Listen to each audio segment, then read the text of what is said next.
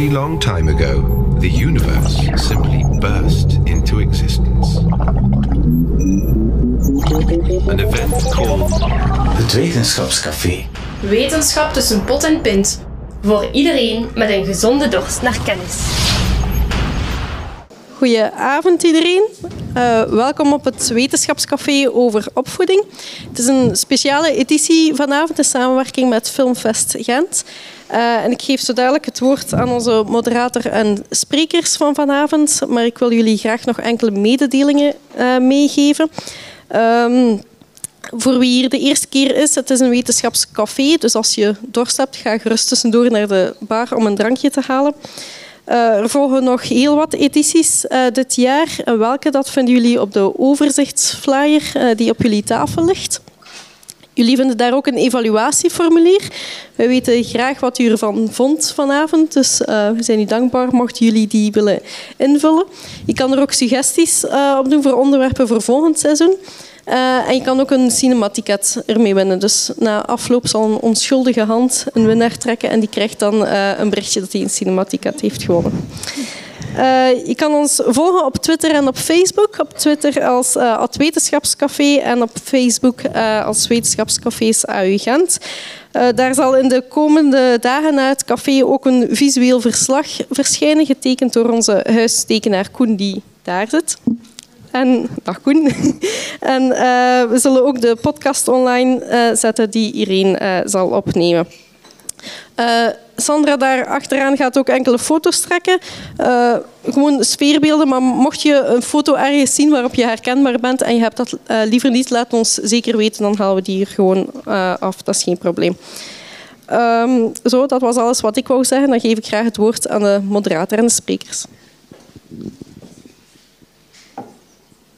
Dankjewel, Lise. Um, welkom, dames en heren, voor opnieuw een wetenschapscafé over uh, opvoeden. De vraag is, gaan we het over de kinderen, over de ouders hebben vanavond? Want de baseline van het wetenschapscafé is, um, zie daar een bezorgde ouder. Dat zijn we misschien allemaal uh, als we kinderen hebben. Of voor kinderen zorgen in bepaalde omstandigheden. Um, maar ik wil vooral even de twee uh, sprekers voorstellen, twee dames. Eentje heeft u misschien een paar keer in de pers gezien de voorbije weken, want ze is nogal aanwezig geweest met haar studie rond uh, risicovol spelen. Um, Helena, het is wat geweest, hè? Het is uh, wat geweest, ja. ja. um, Oké, okay, misschien even zeggen wie jij bent en wat jij doet. Ja, ik ben Helena. Uh, ik werk aan Artevelde Hogeschool als onderzoeker en docent. Um, ik ben zelf pedagoog van opleiding en lerarenopleider. Uh, en de laatste negen jaar neem ik studenten vooral mee in het belang van vrij spelen voor kinderen. en hoe je dat best kan ondersteunen als professional dan, maar dat geldt natuurlijk ook voor jou als ouder. Um, en de laatste jaren ben ik bezig met het thema risicovol spelen. Dat wil zeggen, wat als spelen risicovol wordt, moet je dan constant pas oproepen of kan je ook op een andere manier ondersteunen om kinderen zelf te leren met die risico's om te gaan? Ja, daar gaan we het zo meteen uiteraard over hebben, over dat Replay-project. Um, naast jou zit Lieselot. Dag Lieselot. Klopt. Hallo. Wie ben jij en wat doe jij? Ik werk aan de uh, Universiteit van Gent, aan de vakgroep Sociaal Werk en Sociale Pedagogiek. Ik ben daar docent Algemene Pedagogiek. En wat houdt dat uh, in? Ik ben vooral bezig geweest met historisch onderzoek naar kind zijn en ook naar de professionalisering en verwetenschappelijking van opvoeding. Uh, concreet betekent dat dat ik bijvoorbeeld onderzoek gedaan heb naar de Gentse weeshuizen in de, tweede, in de tweede helft van de 20e eeuw, maar ook naar pleegzorgpraktijken, adoptiepraktijken. eigenlijk gaat het vooral over groepen kinderen die op een of andere manier geen thuis vinden en waar wij als samenleving van denken toch een vervangopvoeding te moeten uh, aanbieden. Oké, goed. Um, nog even zeggen, dames en heren, zoals gezegd, uh, um, het is uh, een, filmcafé, in, oh nee, een wetenschapscafé in het kader van het Filmfestival Gent, pardon. Um, uh, de film gaan we jullie vanavond niet laten zien, maar die is vanavond wel in de, vanaf vandaag wel in de zalen te zien. Dus wie geïnteresseerd is, kan uiteraard ook daar nog wat uh, um, extra informatie opzoeken. Het is een, een uh, best wel heftig verhaal, dat zeg ik er maar meteen bij. Um, en dan nog een aantal praktische afspraken graag. wie hier al eens eerder was, weet dat er uiteraard de mogelijkheid en de tijd is om vragen te stellen. Um, maar we zouden graag eerst een stuk van het gesprek voeren. Dus als u prangende dingen hoort of bedenkingen wil formuleren, dan stel ik voor dat u ze ergens noteert of, of neertypt. En uh, we gaan zorgen op het einde van het gesprek dat er uh, voldoende tijd is om nog even terug te koppelen naar de zaal, zoals dat heet. Goed, um, dames. jullie mogen met recht en reden zeggen dat jullie goede opvoeders zijn, want jullie hebben er een soort diploma voor. Het is het enige vak waar je eigenlijk nooit iets moet, moet voor leren. Daar wil ik misschien eens mee beginnen. Om ouder te worden, hoef je niets te kunnen. Moet je kinderen hebben. Moet je kinderen hebben. Dat is de enige Alleen voorwaarde. ben je ouder. Ja, inderdaad. Dat is een veel voorkomende opmerking, denk ik. Hè. Eh, veelal als het fout loopt, zeggen mensen wel iets van het is toch wat geklaagd dat, eh, dat, daar geen diploma, diploma voor moet hebben, Ja, voilà, voilà. Ehm, nu, dat, eh, voor mij brengt dat ons wel een beetje bij het hart van de discussie. Hoor. Als ik het daarnet had over die verwetenschappelijking en het idee dat je daar iets voor moet kunnen en dat dat dan ook te leren valt. Ja, als het te leren valt, dan moet je weten wat er te leren valt en dat dat dan op te sommen is en te zeggen zo en niet anders. hè. Ehm, nu, in het onderzoek dat ik doe, gaat heel vaak over het idee dat we vandaag denken dat opvoeding iets is dat we kunnen leren, moeten leren.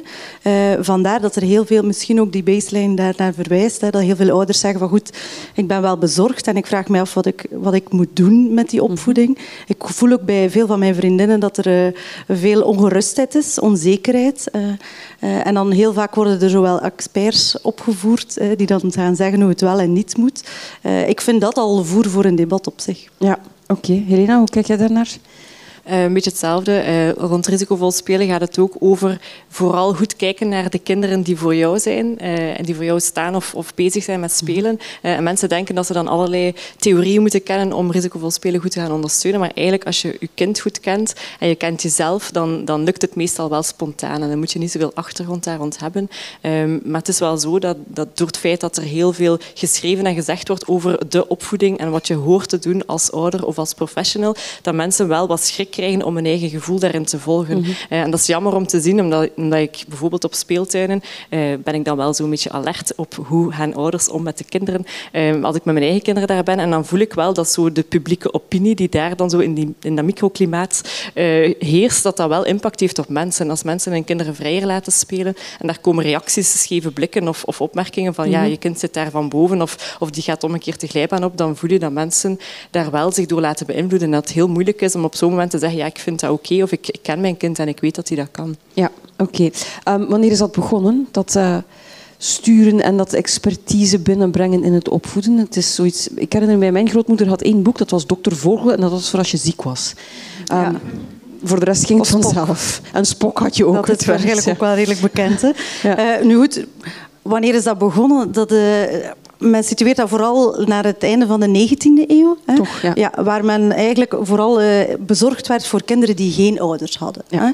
Hè? Eh, men had zoiets van, ja, hm, als die geen goede opvoeding hebben of gewoon geen opvoeding krijgen, Hm. ja, dat is problematisch voor die kinderen. Tegelijkertijd ook voor de samenleving. Hè? De idee is nog altijd als kinderen niet goed opgevoed worden, dat die zeker ook geen toekomstige goede burgers zouden worden. En dat is eh, niet wenselijk als samenleving. En men is eigenlijk beginnen eh, ingrijpen, vooral naar die kinderen die geen ouders hadden of geen goede ouders, eh, door ze uit een gezin te plukken. Ja. En eigenlijk in voorzieningen te plaatsen.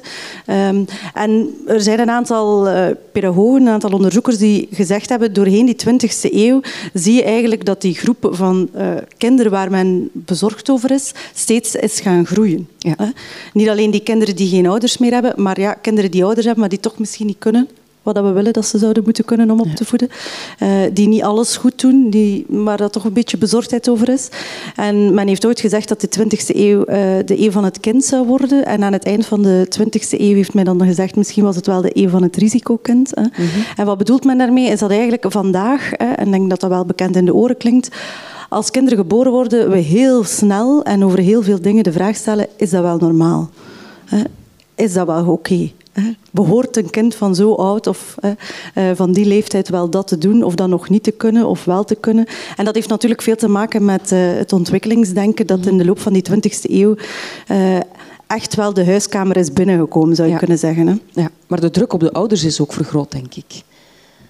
Ja, ik denk als er tabellen bestaan, denk maar aan de consultatiebureaus bij kind en gezin, tabellen waar dat uw kind dan een plek in krijgt, dan is het heel gemakkelijk als ouder om te gaan denken, ja, mijn kind zit niet meer op zijn curve of zit in die curve, dat is dan goed of slecht. Eh, En dan gaat uw eigen kind eigenlijk heel snel gaan vergelijken met een soort gemiddelde, Ehm, terwijl dat kinderen natuurlijk heel divers zijn en er is, er is een soort Gauss-curve voor mensen die het kennen, een gelijke verdeling in grote kinderen, kleine kinderen en iets in, in het midden. Eh, En het is logisch dat sommige kinderen op dat gemiddelde zitten en anderen daarvan afwijken, maar voor ouders die daar minder in thuis zijn dan, die gaan dan denken oei oei, en is dat wel nog oké? En dan gaat hij dan wel nog uh, volgen, uh, de volgende keer wel weer op die curve zitten enzovoort. Ja. Dus je gaat heel snel door, door mensen van bij de start in van die gemiddelde kindbeelden mee te nemen, ga je een snel het gevoel geven van oei, mijn kind wijkt af en ik ben verantwoordelijk om het naar dat gemiddelde terug te brengen, wat ja. natuurlijk niet de bedoeling is. Oké. Okay. Um, we hebben ook allemaal minder kinderen dan vroeger, of toch een bepaalde groep in de maatschappij. Um, misschien waren, we er, waren er gewoon vroeger meer kinderen en had je als ouder ook geen tijd om met elk kind zo specifiek bezig te zijn. Zitten we er als ouders niet gewoon met onze neus te dicht op de laatste 30 jaar? Er zijn minder kinderen, maar we hebben ook iets minder tijd, denk ik, in vergelijking. Ja. Um, ik bedoel daarmee, op het moment dat je thuiskomt, zit je hoofd nog vol met van alles en nog wat bij heel veel werkende ouders dan toch. Um, maar toch is het heel belangrijk voor veel ouders om die tijd kwalitatief in te vullen. En dat is dan natuurlijk de vraag, wat is dat kwalitatieve? Uh, en we verwachten ook een beetje van onszelf, denk ik, als ouder, of toch heel veel ouders, van we moeten dan ook uh, zorgen dat kinderen een zinvolle vrije tijdsbesteding hebben met allerlei hobby's enzovoort. Terwijl ik zelf net denk van laat kinderen even tot rust komen, want de school vraagt ook al veel van hen. Uh, ze zijn constant aan het regeltjes volgen -hmm. en opdrachten volgen enzovoort. Dus ik vind net dat vrije tijd, zoals dat, voor ons als volwassenen is, uh, moet ook vrij zijn voor kinderen. Laat mm -hmm. hen ook maar gewoon vrij spelen en hun eigen ding doen. Ook al is dat een beetje risicovol, want dat is dan het thema van vanavond. Ja. Um, ze kunnen daar best wel mee om en, uh, en dat hoort ook bij een ontwikkeling. Ja. Maar is dat zo dat we minder tijd hebben? Want ik herinner mij een studie van een paar jaar geleden waaruit blijkt dat we eigenlijk, als je het vergelijkt met de generaties voor ons, als zeker moeders, meer tijd besteden met onze kinderen dan er vroeger was. We hebben daar zo'n fout idee van. Ja, ik denk dat dat heel sterk samenhangt met ons idee wat een kind is en zou moeten zijn. Ja. Er zijn onderzoeken geweest die inderdaad zeggen van bijvoorbeeld voor de 19e eeuw was men daar eigenlijk niet mee bezig en liep een kind zomaar mee. En ook door bijvoorbeeld de hoge kindersterfte was men daar eigenlijk niet zo aan gehecht. Nu, er zijn heel veel studies die eigenlijk het omgekeerde beweren. Hè. Die eigenlijk zeggen dat is niet waar. Een kind had evenveel een plek in die samenleving, maar niet zoals we dat vandaag zien. Vandaag zien we kinderen, en zeker jonge kinderen, en hoe jonger hoe meer, als zeer onschuldig, zeer puur of zuiver. Mm-hmm. En dus alles wat wij daarmee doen, of wat die samenleving daarvan invloed op heeft, zou wel eens niet vast kunnen zijn. Vandaar dat, denk ik, daar naar doelt als het gaat over, we zitten daar te dicht op. Mm-hmm. Maar het is zeker niet zo dat in vroegere samenlevingen een kind geen plek had, of geen bijzondere plek had in die samenleving. Nee. Oké. Okay. Um, wat zijn risico's? Hè? Want je zegt zelf, we willen het hebben over risicovol spelen en misschien risicovol leven zelfs een beetje. Hè? Um, als je het bekijkt van het perspectief van een kind, want er zijn twee kanten aan natuurlijk. Wat is een risico voor een kind? Um, misschien belangrijk om van bij de start te stellen dat gevaar en risico niet ja. hetzelfde zijn, want dat zijn woorden die wij als synoniem vaak gebruiken, maar dat zijn wel twee andere dingen. Uh, en vandaar dat het idee van risicovol spelen zoveel huiver opwekt bij veel mensen die denken oei, gevaarlijk spelen bij kinderen, dat hoort toch niet. Uh, maar een gevaar is eigenlijk een element in de omgeving waaraan dat je je kan bezeren. Bijvoorbeeld een spijker die uitsteekt of een muurtje dat ruw is waar dat je je aan kan uh, schaven bijvoorbeeld. en een risico is de kans dat je je daar effectief aan gaat bezeren. dus dat lijkt een beetje hetzelfde, maar het is anders, mm -hmm. omdat die kans dat je jezelf bezeert van heel veel dingen afhangt. Het is niet omdat er een spijker is die uitsteekt dat je dat je, je daaraan gaat bezeren. Dat hangt mm -hmm. ervan af waar dat die spijker precies is. Als die heel hoog zit of heel laag, eh, dat bepaalt al de kans, maar ook hoe, uh, hoezeer dat je bewust bent dat die spijker daar is en hoezeer dat je bewust bent van de mogelijke gevolgen als je daartegen botst, bijvoorbeeld. Mm -hmm. uh, en dat is net wat we met dat risicovol spelen willen zeggen. We willen kinderen natuurlijk niet in gevaar brengen. We willen ze niet um, laten kennismaken of laten in contact komen met gevaren die zij niet doorhebben, want dan is het natuurlijk niet de situatie die we willen.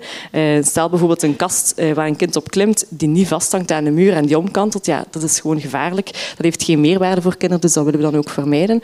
Um, maar risicovol spelen gaat meer over kinderen die zelf spontaan risico's gaan nemen. Dat wil zeggen, ze zoeken naar uitdagingen in ontwikkeling. En daar zijn kinderen heel sterk in, vanaf geboorte eigenlijk al. Zij willen intrinsiek nieuwe dingen leren. Zij verkennen de wereld mm-hmm. automatisch.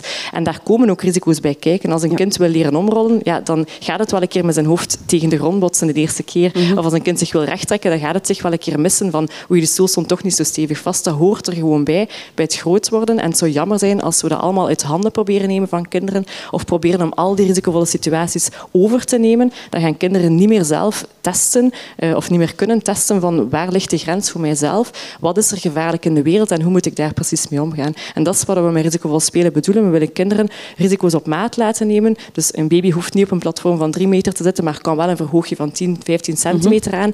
Ehm, een puber gaat dan weer geen uitdaging hebben aan een platform van 15 centimeter. Die heeft dan wel fysiek meer uitdaging nodig. Die wil dan een boomhut van 3, 4 meter hoog. Ehm, en zo moet je eigenlijk gaan kijken per kind van waar ligt zijn of haar uitdaging en hoe kan je daar dan een, een boeiende omgeving creëren voor dat kind of voor die jongeren. Ja, nu risico en gevaar, het is uiteraard iets anders, maar een kind kent geen gevaar.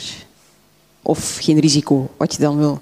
Um, Wordt vaak gezegd, maar dat wil ik wel tegenspreken. Ja? Um, een kind gaat natuurlijk niet het volledige plaatje hebben dat wij als volwassenen wel hebben, of toch ongeveer hebben, want wij stoten ons ook nog wel eens tegen de rand van de tafel. Of, of wij weten wanneer de kast vasthangt aan de muur of ja, wanneer niet. Een kind ziet dat niet. Nee, een kind ziet dat niet, maar um, daar gaat het weer op, om uh, risico's inschatten op maat. Hè. Een kind gaat de eerste keer met zijn hoofd stoten tegen de tafel, misschien de tweede of de derde of de vijfde keer ook nog, maar op een bepaald moment gaat hij wel doorhebben, en die is nog heel jong dan. Oké, okay, als ik onder de tafel ga, dan moet ik echt wel mijn hoofd naar beneden doen, of ik bots. En dat gaat over kinderen van één jaar, twee jaar. Uh, die wij in ons onderzoek ook hebben gezien, die al kleine strategieën tonen om wel met die gevaren om te gaan. Um, en natuurlijk gaan zij in een nieuwe situatie met een andere tafel opnieuw diezelfde fout maken. Uh, dan moeten ze opnieuw leren uit ervaring, maar het is ook zo dat wij het ooit mm -hmm. hebben geleerd uh, dat mm -hmm. je moet bukken als je onder een tafel gaat, bijvoorbeeld. Ja. Een gevaar voor een kind... Um, de definitie daarvan, of van een risico, kan ik me voorstellen, evolueert ook in de tijd. Ja, klopt. Ja, dat is zeker ook niet nieuw. Nee. Als het gaat over uh, bezorgdheid in opvoeding en de gevaren die daarmee gekoppeld zijn, dat is zeker ook niet nieuw. Eigenlijk al van als we bezig zijn geweest met kinderen op te voeden, zijn ouders altijd al bezorgd geweest. Er zijn wel een aantal dingen die we vandaag zien die op scherp staan, zou je kunnen zeggen, in onze samenleving. Zijn de, enerzijds die rol van de ouder daarin. Mm -hmm. uh, en dat heeft veel te maken, zeker niet alles, maar toch veel te maken met wat ik daarnet zei over die professionalisering en die verwetenschappelijking. Nu, als het idee is dat we weten hoe hoe het moet, ja, dan weten we ook hoe het niet moet. Ja. En dat betekent dat we heel veel dingen zouden kunnen voorkomen. Hè. Mm -hmm. uh, en dan krijg je een aantal... Um, bewegingen of initiatieven die toch vooral proberen om al die gevaren in te perken en te voorkomen. Um, wat ervoor zorgt dat we eigenlijk de dingen ja, zo veilig als het kan uh, maken, maar niet zo veilig als het hoeft voor kinderen te zijn. En ik denk dat daar wel een groot verschil is. Er zijn heel wat voorbeelden voor, bijvoorbeeld uh, van scholen die uh, tikkertjes spelen afschaffen op de speelplaats omdat dat te gevaarlijk is. Of de speelplaats met rubber bekleden, zodanig dat ze zich niet meer kunnen bezeren als ze vallen. Mm -hmm. Nu, uiteraard zijn al die extremere voorbeelden zeer duidelijk. Dat is altijd zo. het is alles daartussen van, oké, okay, waar zit dan die grens die het moeilijk maken? Maar het is zeker zo dat kinderen gebaat zijn uh, bij het, het, zelf leren aftasten en het leren zoeken waar die grenzen liggen. Ja. En ik denk dat kinderen wel gevaar kennen. Hè. Uh, als je met kinderen bijvoorbeeld naar iets nieuw gaat, ik zeg maar iets, een springkasteel, en die zijn twee jaar, er zijn er weinig die daar onmiddellijk opspringen en uh, niet meer rondkijken. dus dat gaat zo naar een stapje per stapje zoeken van ja. wat kan ik en wat durf ik aan en wat heb ik daarbij nodig of wie heb ik daarbij nodig om die stap te durven zetten. Ja. ja. Jij spreekt over twee jaar, jij spreekt ook over baby's, kinderen van één jaar, dat betekent dat risicovol spelen eigenlijk iets is wat ze vanaf dag één doen. Dat is niet iets wat begint bijvoorbeeld in de kleuterklas of in het eerste leerjaar. Nee, uh, dat is met heel veel ontwikkelingselementen zo, dat je denkt op een bepaalde leeftijd kunnen kinderen het, maar het is eigenlijk al van, van jongs af aan gestart. En het is heel moeilijk te zeggen over risicovol spelen of inschatten van risico's vanaf welke leeftijd het kan, gewoon omdat er heel weinig onderzoek naar is. Ik ken één onderzoek waarbij dat baby's van zes maanden aantonen dat ze kunnen waarschijnlijkheid inschatten van een situatie. Hoe waarschijnlijk is het dat dit scenario gebeurt of dat scenario, wat eigenlijk al heel complex is voor, voor uh, die leeftijd. Want dat wil zeggen dat ze eigenlijk wel een stukje in de toekomst kunnen nadenken. Mm -hmm. um, en er is ook een onderzoek van, uh, bij peuters eigenlijk van 14 maanden, waarbij dat ze een soort uh, visual cliff hebben gemaakt, dus een visuele uh, afgrond. Um, en ze hebben een brugje gemaakt voor kinderen om daarover te kruipen. En ze maken de brug alsmaar smaller en ze bekijken wanneer gaat een kind er niet meer over durven. En op een bepaald moment gaan die kinderen schrik krijgen om erover te gaan, omdat ze inschatten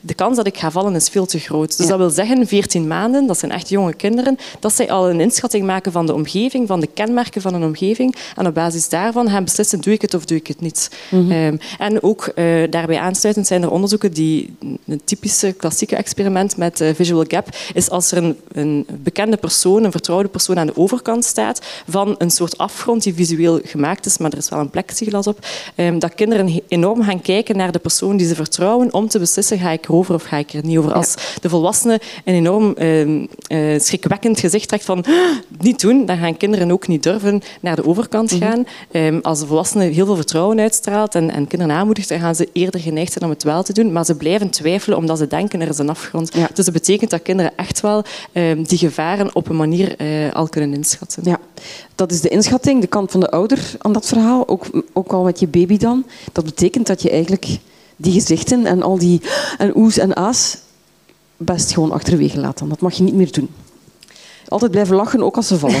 Nee, nee dat, is ook een heel, een heel Soms gebeurt het wel, ja. Soms moet ik ook op mijn tanden bijten. Maar Het zou een heel vreemd effect geven. Ik denk dat je best mag tonen van oeh, dit vind ik spannend. Maar dat je ook naar kinderen moet duidelijk maken van dat is mijn gevoel. En als jij het wel durft, dan mag je het zeker wel Maar hoe doe je dat? Want dat is, ja, als ze groter zijn, kan je dat uitleggen. Ik kan bij, bij een kind van 14 maanden Nee. Um, dan, wel, wat we dan zeggen is, um, pas op met pas op. Dus probeer niet te snel te waarschuwen voor kinderen, want vaak zijn kinderen zelf al zeer alert. Er zijn er zijn roekeloze kinderen, dat zijn de moeilijkste, die denken dat ze het kunnen en het toch mhm. niet kunnen. Maar de mhm. meeste kinderen gaan wel, als ze, als ze de kans krijgen om geleidelijk aan met die risico's te leren omgaan, gaan wel zichzelf ook goed kunnen inschatten. Ehm, en dus de vraag is van, uh, als jij schrik hebt, maar je merkt dat een kind dat eigenlijk niet nodig heeft, je ondersteuning, die, die heeft het zelfvertrouwen, die kan het redelijk goed inschatten, het gevaar, dan is het aan jezelf. En dat is altijd de moeilijkheid als, als ouder, maar ook als professional, om even je eigen schrik opzij te zetten en te zeggen, ja, probeer maar. Je mag wel doen dat je schrik hebt, maar ik vertrouw het toch, doe maar. We zullen het zien. En dan gaan kinderen, eh, als ze genoeg dat vertrouwen van jou voelen, gaan ze toch proberen. En heel vaak met eh, zeer mooie, verbluffende resultaten. Want we merken vaak, we hebben nu in ons onderzoek samengewerkt met eh, kinderdagverblijven. En heel veel professionals zeggen, ja, ik had zelf heel veel schrik in het begin om dat meer toe te laten. Maar we hebben ook onze eigen grenzen daarin moeten verleggen. En we zijn eigenlijk verbaasd van de kinderen wat dat ze kunnen. Of omgekeerd, ouders die heel overbezorgd zijn over hun eigen kind en die dan hun ehm, kind gaat naar een voorziening waarmee we samengewerkt hebben.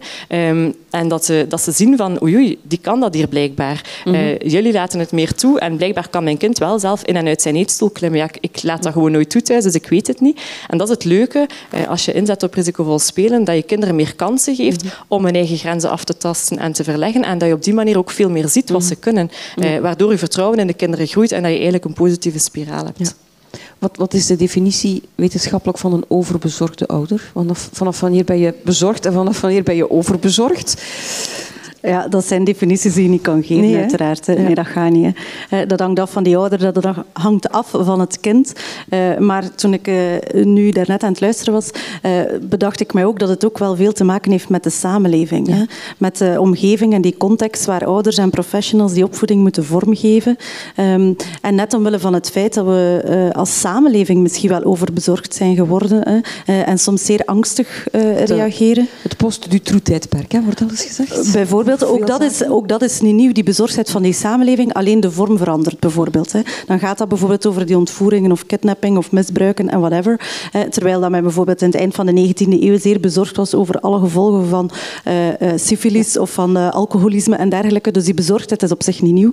Uh, maar als samenleving hebben we nogal de neiging om snel veroordelend te, te reageren. Mm Ik denk dat we allemaal wel voorbeelden kennen van uh, um, kinderen die, of, of gezinnen, kinderen waar het helemaal mis, misgelopen, ondanks het feit dat er heel veel experts en uh, uh, extra zorg en instanties op inzetten en dat het dan toch nog kan foutlopen. Mm -hmm. Het is zeer moeilijk om te begrijpen dat dat dan toch nog kan. Ja. en dat zit, veel, of dat zit voor mij heel sterk vervat in het idee dat we alles zouden kunnen oplijsten van de gevaren die er zijn mm. en daar dan ook kunnen per en paal stellen. Ja. Ik denk dat dat niet het geval is. Dus we moeten denk ik niet alleen kinderen en ouders ouders wat ruimte geven, maar ook uh, onszelf uh, om risico te kunnen nemen in de ja. opvoeding. Want als er iets fout gaat, hebben we, dat is misschien algemeen, maar zeker als het over onze kinderen gaat, hebben we heel snel de neiging om dan te kunnen zeggen, dit is jouw fout of jouw verantwoordelijkheid. Zeker als je er niet bij was. Hè. Ja Dat is, uh, dat is een verantwoordelijkheid die, die, nog moeilijker is dan als het je eigen kinderen zijn. Net omwille van het feit dat je die kinderen minder goed kent. Mm -hmm. uh, omwille van het feit dat het in een uh, professionele setting is, in het onderwijs en dergelijke meer. We kennen ook alle verhalen van ouders die heel kwaad ja. worden.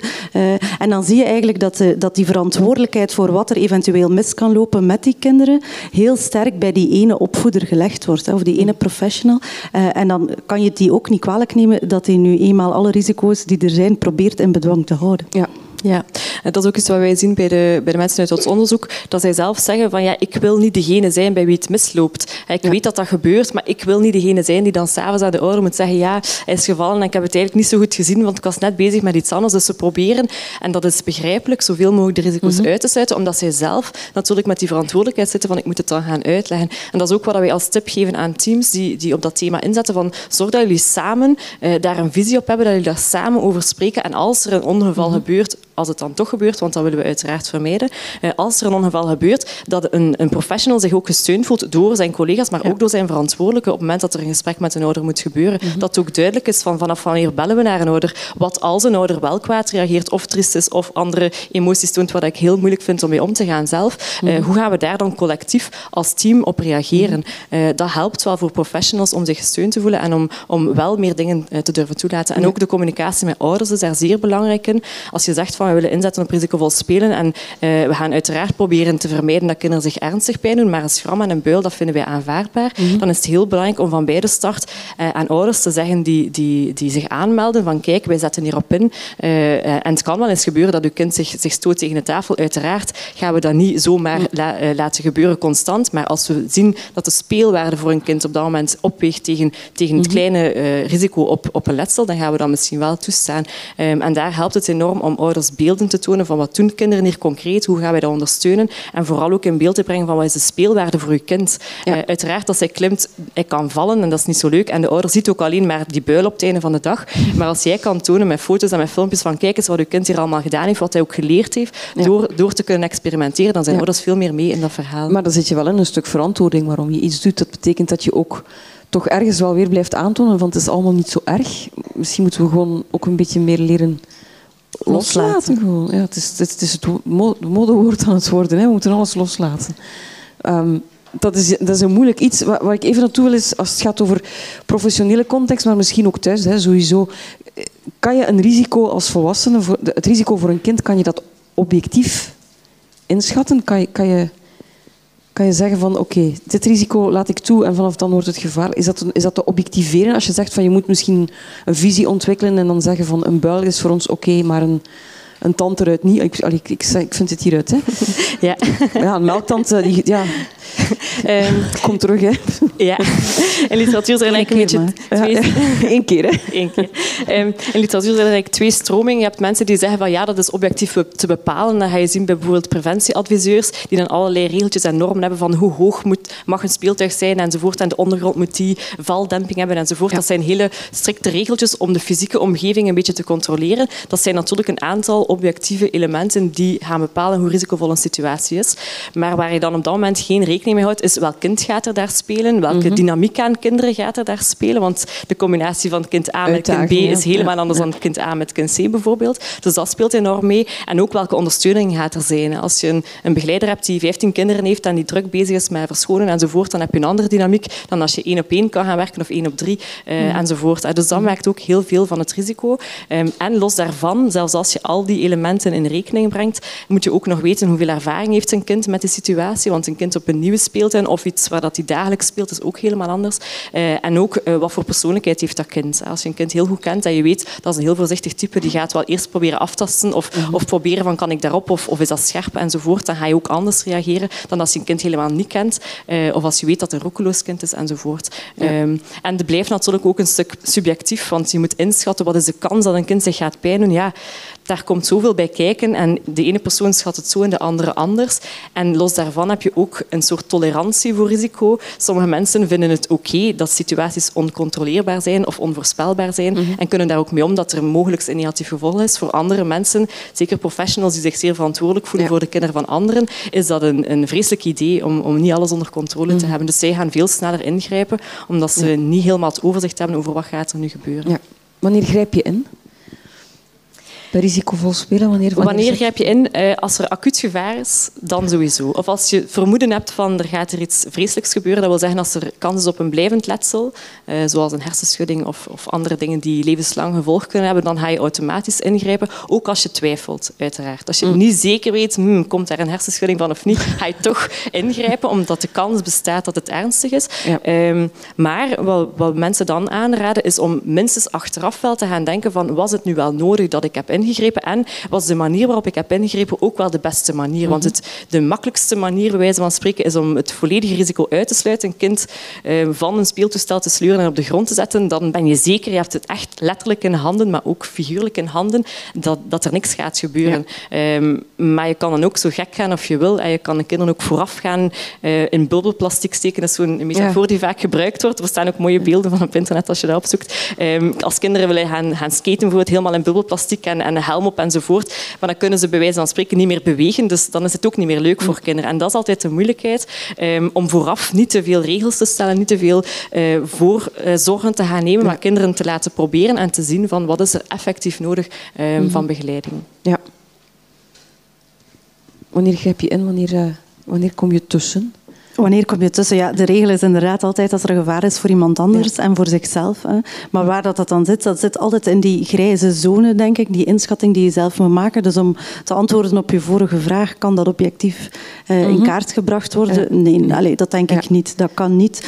Uh, opvoeding is iets subjectief en dat is absoluut niet erg. Integendeel, dat is gewoon eigen uh, aan heel veel zaken in het leven, denk ik. Het, hetgeen dat het problematisch maakt in mijn ogen, is het geloof in die objectiviteit. Hè. Niet zozeer het feit dat het objectief zou, zou moeten zijn en dat we daar niet geraken, maar wel in een soort gemaskeerde subjectiviteit, zou je kunnen zeggen.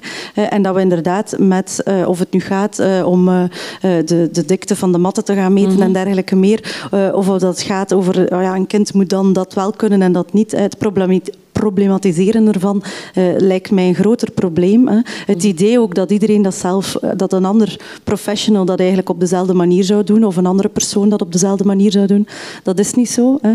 Um, ook daar denk ik dat we een beetje zijn doorgeslagen hè, eh, in die professionalisering, in die regeltjes, in, die, in, die, in het denken dat dat te regelen valt. Hè. Mm um, als ik dan even mag verwijzen naar de, de, je hebt daarnet gevraagd naar het begin daarvan, en dan zit dat heel sterk op die fysieke kenmerken van kinderen. Die kindersterfte eind van de 19e eeuw, begin van de 20e eeuw, is eigenlijk de, de, de, de start geweest van bijvoorbeeld kind en gezin en die mhm. consultaties, eh, omdat men daar eigenlijk iets wou aan doen. Ja, terecht. terecht bedoel, Daar kunnen we niks tegen hebben. Maar wat zien we eigenlijk in die um, poging om dat te doen? Is het geloof gegroeid, eh, om het dan een beetje kort door de bocht te zeggen, is het geloof gegroeid goed als we die fysieke dingen kunnen uh, uh, aanpakken en kunnen terugdringen? Kunnen we dat dan ook niet doen met bijvoorbeeld psychische dingen. Hè. En dan zie je dat daar toch ergens in de jaren 60, 70 het idee is ingeslopen dat we dat met intelligentie kunnen. Uh, vandaag zien we dat heel sterk met alles uh, rond ADHD, maar ook alles met psychische problematiek. Je ziet dat van een zeer medisch perspectief wordt benaderd eigenlijk, mhm. omdat dat een soort beheersbaarheid creëert. Hè. Mhm. Het geeft het idee dat we dat kunnen genezen, het geeft het idee dat je daar medicatie voor kan nemen, hè, want ziektes kan je op die manier genezen. Maar we vergeten eigenlijk dat dat toch echt gaat over die subjectieve materie, over opvoedingsmaterie. en dat dat heel vaak door een samenleving geconstrueerd wordt, eerder dan dat dat iets is dat individueel een probleem is van een ouder en een mhm. kind, dat dat met een pilletje zou kunnen opgelost worden. Ja. ja. Uh, je sprak over roekeloze kinderen en eerder voorzichtige kinderen. Ik denk dan altijd, een kind dat heel voorzichtig is, is dat aangeleerd. Maar wat is er nature en wat is er nurture als het gaat over roekeloosheid en, en, uh, en, en, voorzichtig zijn? Dat is de eeuwige discussie nature-nurture als het over opvoeding gaat. Um, ik zal over mijn eigen kinderen spreken, want die ken ik natuurlijk het beste. Ik heb twee kinderen en die zijn zeer verschillend. Als het gaat over dat spelen ook. De ene was van dag één, die smeet zich achteruit, uh, bijna van bed waar ik bij stond mm enzovoort. Uh, dat is ook trouwens de reden waarom ik onderzoek ben gestart. Omdat ik dacht, hoe doe je dat met dan 15 kinderen die niet van jezelf zijn? Uh, dus die was heel roekeloos. Die kon heel roekeloos zijn. Ehm, buiten de jongste, die is zeer voorzichtig, zeer berekend. Maar die ziet veel de andere trager. ja. Veel, ja, die denkt, dat wil ik niet te komen. Ehm, maar de, zelfs de oudste nu, die heb ik heel proberen laten spelen zonder grote ongevallen. Eh, en die is nu wel zeer berekend. Het is een filmpje van hem dat wij altijd gebruiken in vormingen, waar dat hij zijn speelgoedauto op een speeltafel zet en dan op de tafel klimt en op de auto gaat zitten en naar voren rijdt tot op de rand en zegt oei oei en dan terug achteruit en terug van zijn auto gaat en op de grond gaat. Uh, het is spectaculair als je het echt ziet. maar dat toont wel aan, hij is dan ongeveer twee jaar, dat hij wel door de ervaring dan, en dat was al vaker met een bluts en een beul bij hem, maar door ervaring heeft geleerd van ik moet echt wel voorzichtig zijn op het moment dat ik zoiets doe.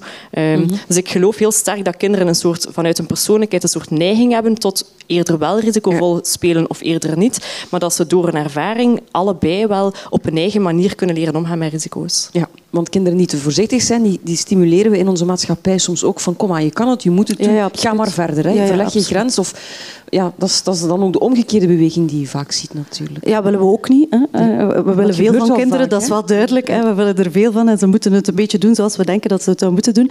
Maar voor mij is dat ook wel interessant, omdat het, het, gaat, het gaat over jonge kinderen als het gaat over spelen, maar eigenlijk leg je daar toch ook wel de basis voor het doel van de opvoeding, zijnde dat die kinderen op een heven dag geen opvoeding meer nodig hebben. Hè. En dat jij daar dus niet moet zijn om te zeggen van pas op, gaat je hoofd stoten, of uh, als het dan een paar jaar later is, pas op, als je uh, tien pintjes drinkt, is het misschien net iets te veel. Hè. Uh, dus het gaat over dat stelselmatig loslaten, maar het gaat toch ook over een soort, um, ja, die zelfredzaamheid zou je dan kunnen zeggen bij kleine kinderen, maar bij, bij, bij jongeren over een soort emancipatie om te zeggen van goed, op een gegeven moment kan ik het uh, zelf wel overnemen en hoef, hoeven mijn ouders of die opvoeders of die professionals daar niet uh, constant aanwezig te zijn. En dat is iets dat stelselmatig uh, mm -hmm. moet gebeuren. En dat begint als, als ze nog zo klein zijn, denk ik. Ja, het doet me een beetje denken aan, aan een vreemde paradox. Wat, wat, we nu verwachten van werknemers bijvoorbeeld, is dat ze flexibel zijn en creatief en ondernemend enzovoort. En we willen dat mensen met allerlei nieuwe ideeën komen, maar als een peuter dan zijn stoel verschuift om, om erop te klimmen, om zijn speeltje van de kast te halen, bij wijze van spreken,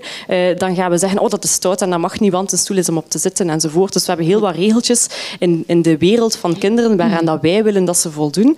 Eh, ook met heel goede bedoelingen om kinderen te leren, hoe zit de maatschappij in elkaar enzovoort. Maar door van zo jongs af aan te gaan ingrijpen en te gaan doen alsof wij weten hoe de dingen horen en de kinderen moeten dan gaan volgen, ga je hen ook afleren om, om dat ondernemende, om dat creatieve dat zij automatisch in zich hebben, om, om dat ook te gaan uiten en te blijven houden, ook als ze ouder worden. Ja, maar zijn we daar dan nu als ouders strenger en strikter in geworden dan vroeger? Bestaat er vergelijkend onderzoek over? Waren ouders in de jaren 60 ja, waar de hippie-generatie uitgekomen is, waren die veel losser met hun kinderen. Want ik herinner mij dan wel verhalen van je moest stilzitten aan tafel, je mocht niet spreken tegen een volwassene, je kon ja, dat klopt. Hè. Ehm, om te gaan vergelijken, dat is altijd moeilijk, eh, zeker vanuit een historisch perspectief, want ook die samenleving verandert. Hè. Niet alleen die relatie met die kinderen. Maar één ding dat wel, wel zeker het geval is, is eigenlijk eh, een soort van wat men in de wetenschappelijke literatuur de creatie van het jeugdland hè, noemt. En dat is eigenlijk de ruimte die kinderen en jongeren van zichzelf hebben, hè, waar dat dus geen volwassenen aanwezig zijn. Uh, en dan zie je wel dat die ruimte steeds kleiner en kleiner wordt. Dat kinderen en jongeren vandaag veel minder tijd doorbrengen onder elkaar zou je kunnen zeggen, waar geen volwassenen bij zijn bijvoorbeeld. Ja, en dat is belangrijk. Dat en dat is belangrijk, absoluut. Ja. ja. Het doet mij denken aan um, een onderzoekster uit, uh, uit de UK die uh, bezig is met het concept playwork. Dat is een beetje zoals ja, de speelwerker. Dat bestaat niet echt hier in Vlaanderen, maar zij zei heel mooi in, in een presentatie vorig jaar van wij willen adult-free time creëren voor kinderen. Eigenlijk willen wij niet tussenkomen. We willen kinderen laten spelen tijdens de tijd dat zij bij ons doorbrengen. En wij willen eigenlijk niet tussenkomen. Dus wij doen echt ons best om niet tussen te komen. En er bestaan ook speeltuinen waar ouders niet binnen mogen. Um, ja, echt waar. Heb ik al in verschillende landen gezien. Echt waar, zo met een hek gemaakt door de kinderen, geen, geen ouders toegelaten. Ja. Um, daar zijn natuurlijk wel begeleiders in de buurt, maar mm. omdat ouders snel de neiging hebben om, om tussen te komen in het spel van kinderen, ook al is het niet echt nodig vanuit het perspectief van het kind dan, uh, of vanuit veiligheidsoverwegingen mm. of zo. Um, uh, en het is leuk om te zien dat er zo verschillende initiatieven zijn. In, in Nederland is er bijvoorbeeld ook een heel mooi natuurdomein dat gebruikt wordt als speelterrein. Uh, en de eigenaar heeft heel bewust zo een, een gebouwtje, zeer gezellig gezet in het begin van het domein, met als idee, als we de ouders er binnenlokken en die hebben een warme chocomelk, dan kunnen de kinderen alleen gaan spelen. Ja. Um, dus je voelt wel dat mensen op zoek zijn naar hoe kunnen we dat hier wel structureel maken, dat kinderen meer tijd voor ja. zichzelf hebben, zonder dat er bemoeienis is van volwassenen. Ja. Maar dan komen we bij een ander onderwerp dat ik nog graag even aansnijd, en dat is um, hoe wij als maatschappij toekoer omgaan met kinderen. Je spreekt over plek, ruimte, fysieke ruimte. Mm -hmm. Er is de tijd tijdbesteding. Uh, we zijn alsmaar drukker. We staan, ook, we staan langer in de file, we zitten langer op de trein. We hebben langere uren, we moeten flexibel werken. Dus dat betekent dat je niet meer om vier uur thuis bent. Maar daarnaast, um, wat ik daarnet ook zei, het post-tijdperk. Ik herinner mij als ik als kind naar de zee ging dan hing mijn moeder een oranje handdoek over het balkon en dat was voor ons het signaal om van het strand na vier uur alleen spelen naar binnen te gaan. Mhm, mhm. Dat is, dat is ondenkbaar. Dat je nu je kind een uur alleen op het strand laat spelen. Ja. Waar, dat, wat, waar is de shift gebeurd en waarom? Dat is ondenkbaar, maar ik vraag me af, mocht je het aan de individuele ouder vragen of die inschat dat zijn of haar kinderen het zouden kunnen, eh, die misschien dat wel zou willen proberen. Dus ik denk dat dat echt te maken heeft met die, met die maatschappelijke idee van wij moeten en we kunnen kinderen monitoren, 24 op 24. Denk aan die camera's in de crash die je dan kunt volgen terwijl je op het werk bent. Eh, of een soort GPS-systeem die je bij tieners kan implanten, zodat je weet waar die kinderen eh, altijd zijn. Nu, of dat enigszins interessant is of uh, voor enig doel is, dat, laat ik nu nog in het midden. Maar dat zegt wel iets. Hè. Dat zegt dat we dat kunnen monitoren, dat we daar eigenlijk ook toe verplicht worden om dat te doen. Maar we willen het ook blijkbaar. Maar we willen het omdat het kan misschien. Ja. Als het niet kan, moet je wel andere manieren vinden om een signaal als zijnde die, die handdoek eh, uit te vinden, om daar op die manier dan toch een klein beetje eh, structuur in te brengen. Ja. Maar het gegeven dat je vier uur kunt spelen, je, je ik, ik, wil mezelf niet als voorbeeld stellen, maar ik laat mijn dochter wel een uur alleen op het strand spelen, maar daar word ik op aangesproken. Ah, voilà, dat is denk ik wat we, wat we gezegd zeker andere ouders. Hè. Er wordt onmiddellijk gekeken als er een kindje er een beetje alleen... niet mee mogen met mij naar het strand, want ze weten dat ik de kinderen alleen laat spelen. Ja, ja. ja dan denk ik goed, maar... Dat is een mooi voorbeeld in, uh, in de US, waar een, een, vrouw haar eh, zoon van negen jaar alleen de metro heeft laten nemen, ja. Lenore Skenazi. Um, en zij heeft een golf van kritiek gekregen in, in Amerika omdat zij dat heeft toestaan. Maar ze had zoiets van, ja, we hebben samen dat traject gegaan, hij kent de weg, hij weet waar hij af moet, hij weet dat hij niet met vreemden moet meegaan enzovoort. Ik vertrouw mijn kind.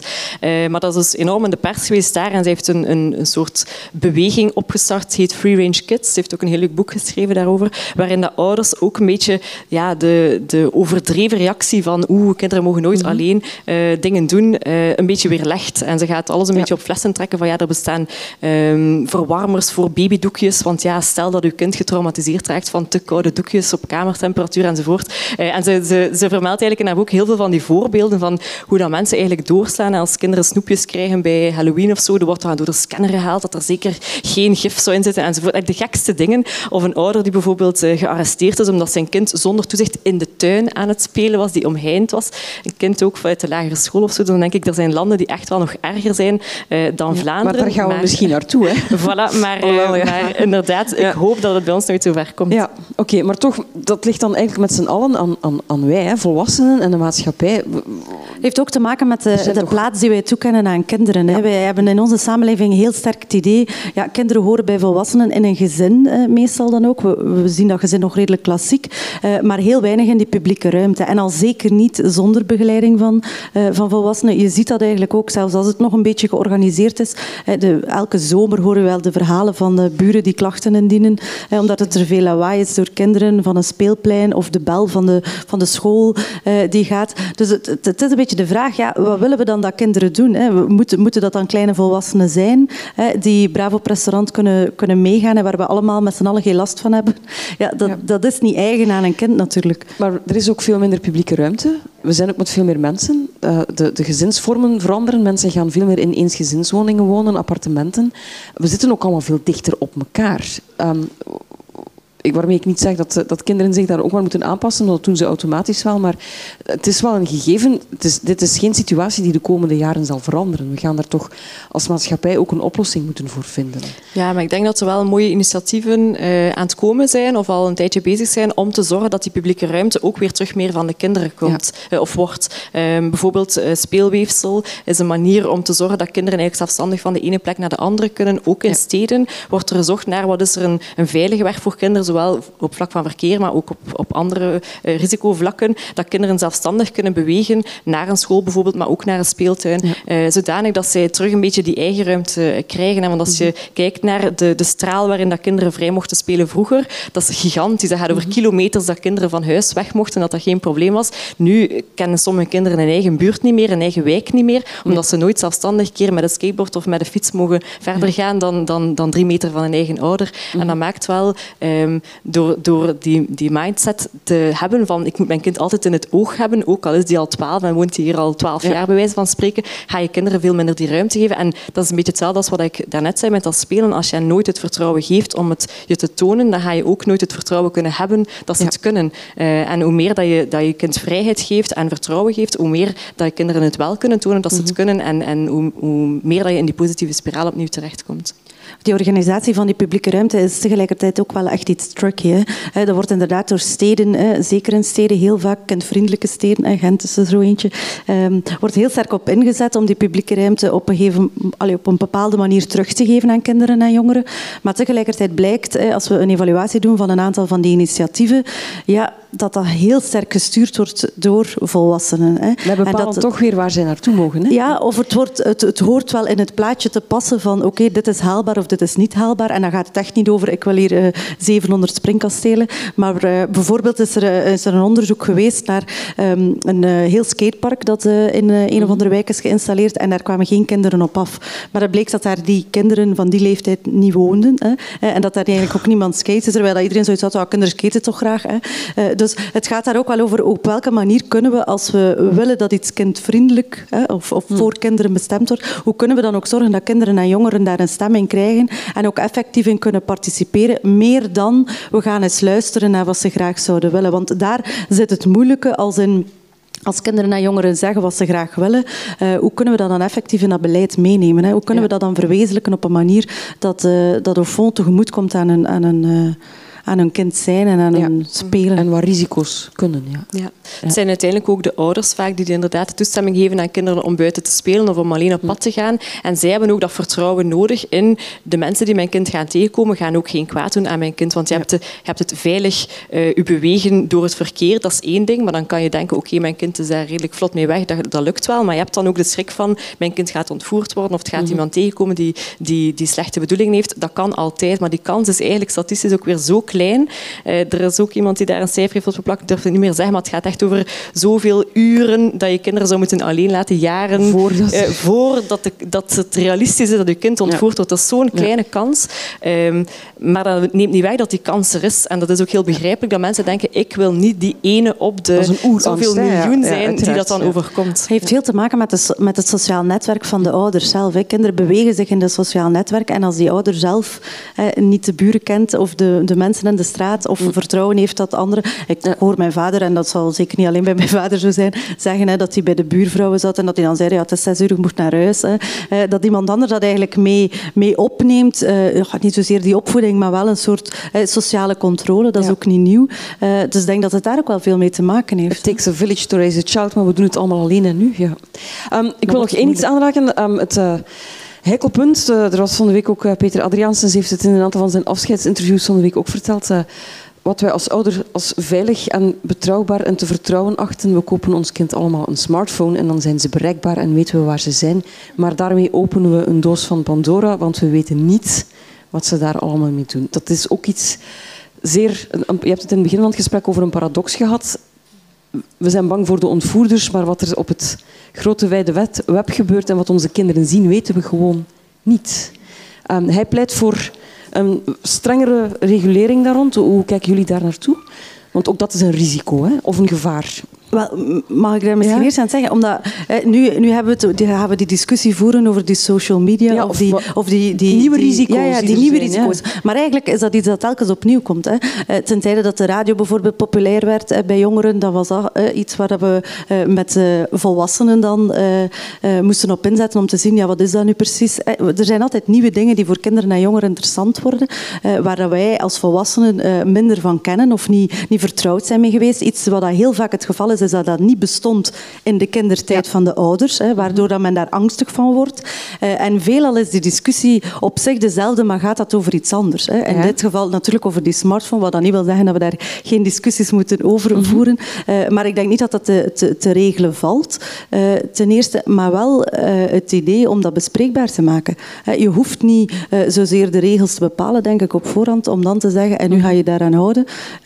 maar laat dat iets zijn dat mee in die als je dat niet weet als ouder, dan zeg je van leg mij dat eens uit en uh, toon het me een keer. Um, Maar worden ze niet veel meer blootgesteld aan risico's die ze helemaal niet kunnen inschatten? Omdat het, het is geen fysieke spijker uit de vloer of zo. Hè? Nee.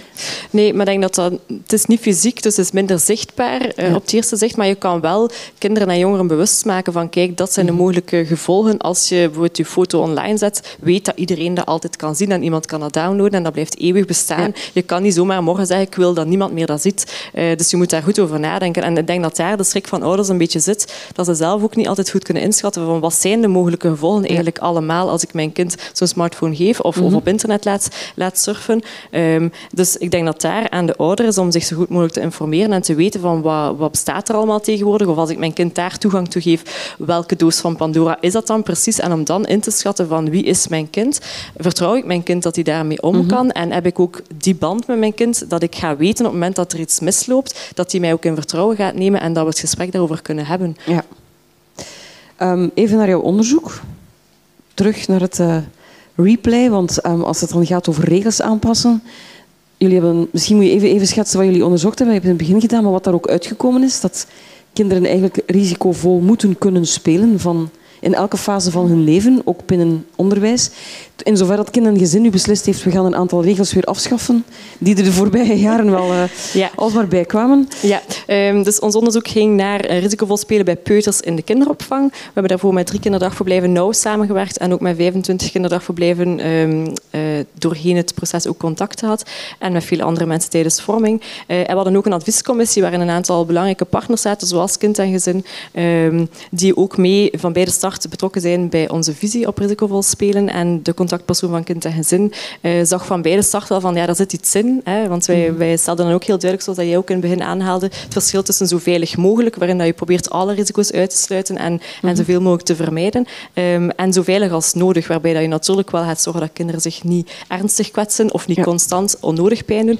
Um, en zij beseften zeer snel van eigenlijk zit kind en gezin helemaal in dat eerste paradigma, ja. zo veilig mogelijk. Um, ik heb dat zelf ook bij het start van mijn onderzoek uh, mm beseft toen dat ik alle documenten een keer doornam rond veiligheid. Is zeer duidelijk het eerste paradigma, uh, terwijl dat wij pleiten voor het tweede paradigma. En zij was daar zeer snel mee weg met dat idee en zij zei oké, wij moeten eigenlijk bij kind en zin de denkoefening maken van kunnen wij niet ook zo veilig als nodig gaan promoten als, als insteek. Dus heel concreet, volgende week ga ik een workshop geven aan een nieuwe werkgroep veiligheid van kind en gezin en we gaan samen kijken van hoe kunnen we die visie op mhm. risicovol spelen in het beleid van kind en gezin ook opnemen. Maar wat zou je dan concreet graag zien veranderen? Wat is uit dat onderzoek gebleken? Wat zijn dingen die, eigenlijk, die we misschien ook thuis kunnen doen? Hè? Uh, wat is eruit gebleken? Dat kinderen van zeer jong af aan uh, al in staat zijn om met risico's om te gaan als ze daar uh, de goede omgeving voor krijgen. Dus als ze voldoende uitdaging kunnen vinden in de omgeving.